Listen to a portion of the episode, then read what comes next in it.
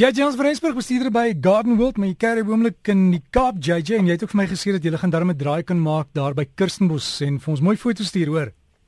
O nee, definitief Derek, ek kan nie wag nie. Ek dink dit gaan hierdie jaar weer soos altyd 'n belewenis wees om so te gaan. En ja, gelukkig het ons 'n bietjie reën gehad in die Kaap en dit is regtig regtig baie nodig hier. So jy kan nie glo hoe droog groot gedeeltes nog van die land eintlik is nie. En JJ, jy ja. Askies die die tuine in die Kaap, hoe lyk hulle vir jou? Die droog direk, regtig regtig droog. Jy kan sien die plante sukkel regtig onder die onder die droogte wat ons het. Dit nie die grasperke is alles nog droog en geel. Daar is baie baie min groen eintlik wat mense sien. Daar's daar's daar's baie min mense wat regtig kan kan nat gooi.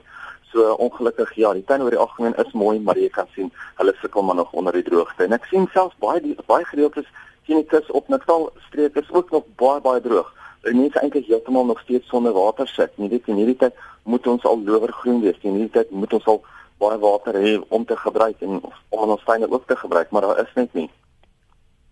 En hierdie tyd van die jaar in die tuin, JJ, wat moet ons doen?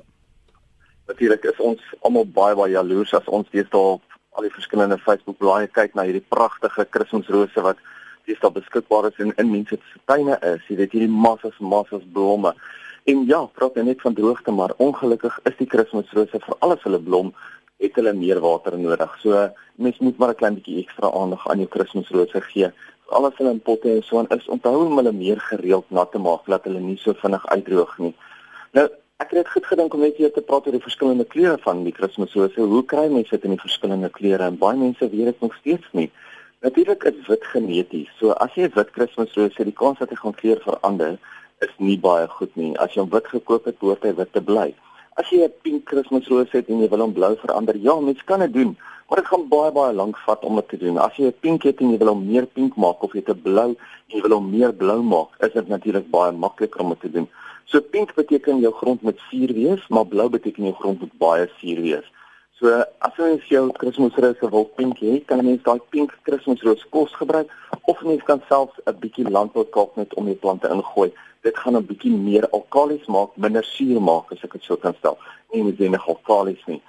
Maar as jy mens kyk na jou blou, onthou hoe meer hoe meer suurheid daar is, hoe meer blou gaan hy wees. En die beste manier om dit te doen is met aluminiumsulfaat. Kyk, dan kry jy hom daai lekker donker donker blou. Baie mense sal sê, "Maar kom ons gooi sommer dennenaalde om die plante want dit maak hom ook suur." En dit is nou bewys dat dennenaalde wat nog nat is, is suur. Maar sodra hy droog geword het, is hy eintlik net 'n droë blaar. So dan het hy ongelukkig geen meer pH in hom wat hy hom eintlik kan suur maak nie. Hy het nie meer 'n pH verandering kans in hom nie. So gebruik nat denenaalde as jy sout denenaalde gooi omdat hy regtig net as hy droog is, is hy net droog. Die ander ding wat mense moet na kyk nou hierdie tyd van die jaar is natuurlik om jou broodbome wat seiers gemaak het nou af te haal. Onthou dit is nou die regte tyd om hulle af te haal omdat hulle nou baie potte breek baie beddings net oorvol maak en as mense om te lank los maar raak dit net al hoe moeiliker om dit te doen. So wat ons moet doen is jy moet probeer om daai seier oop te graaf die kante sodat jy hom baie maklik kan afhaal. Dan sny jy mens eintlik al die blare van die seier af. Want onthou daai seier sodra mens die blare op hom los, as daar nie meer 'n hoofaar is wat die plant voer, soos 'n naaldstring is tussen die moederplant en die kleiner plant nie, dan gaan hy maklik kan vrek. So mens moet al die blare daarso afsny sodat jy die bol self net in die grond kan oorplant. Of as jy dan die bol vat en jy plant hom oor in die grond, maak seker dat jy hom eers behandel teen fungusse. Nou ja, mens kan jou vloeibare oreus of iets van daai aard gebruik om hom mee te behandel, maar sommer 'n uh, blomswaal wat jy opstof is gewoonlik baie beter. Daai blomswaal, daai stof wat 'n mens kry, um, daai poeier, kan 'n mens eintlik op die op die wond ondersmeer laat hy nie maklik kan vrot word of so nie dan kan jy die bol self kan jy net behandel met cyclic root stem. Dit gaan maak dat jou wortels weer lekker vinnig ontwikkel en dan sodra jy 'n plant laat hy baie vinnig weer vir jou nuwe blare gaan uitstoot.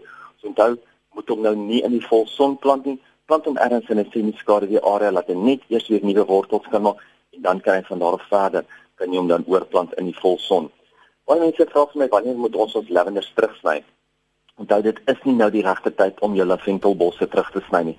As jy daai laventelbosse nou gaan terugsny in die somer, gaan hulle nie genoeg tyd hê om eintlik weer terug te groei na die wind in in na die winter toe nie. Eerder probeer eerder om hulle vroeg in die lente terug te sny, so los hulle eerder nou. As hulle nou 'n bietjie droog en bietjie stokkerig is, nie 'n probleem nie. Einde van die winter, dan kan jy weer terug sien. Dan sien jy omtrent die derde af en dan sal hulle weer pragtig teruggroei. Laaste enetjie is vir mense wat vrugtebome self wil kweek. Ek het dit hierdie week gevra gehad op Facebook. Kan 'n mens jou eie vrugtebome van saad of van stiggies af kweek? Die antwoord is ja, jy kan. Maar onthou, hulle gaan nie altyd so sterk wees en so goed groei en so goed dra nie. As jy mens kyk na jou saad, jou saad is nie altyd geneties dieselfde as die moederplant nie. So die kans dat jy 'n basterplant kan kry of 'n plant wat dalk nie gaan vrugte dra nie of dalk nie so goed gaan vrugte dra nie, is baie goed as 'n mens dit regtig reg wil doen, moet jy 'n sterk onderstok gekweek kry en dan kan jy jou jou jou, jou plant self daarop ent. Ja, daar is verskeie plante wat wel baie goed werk van steggies af. Kyk na jou granate, jou vye, jou druiwe en nog baie meer. Maar die kans is daar dat jy wel jou eie vrugtebome kan plant en weet jy wat? Gaan probeer dit. Wat is nou lekkerder as om 'n kersiepit in die grond te druk en te kyk of daai kersieboom gaan groei?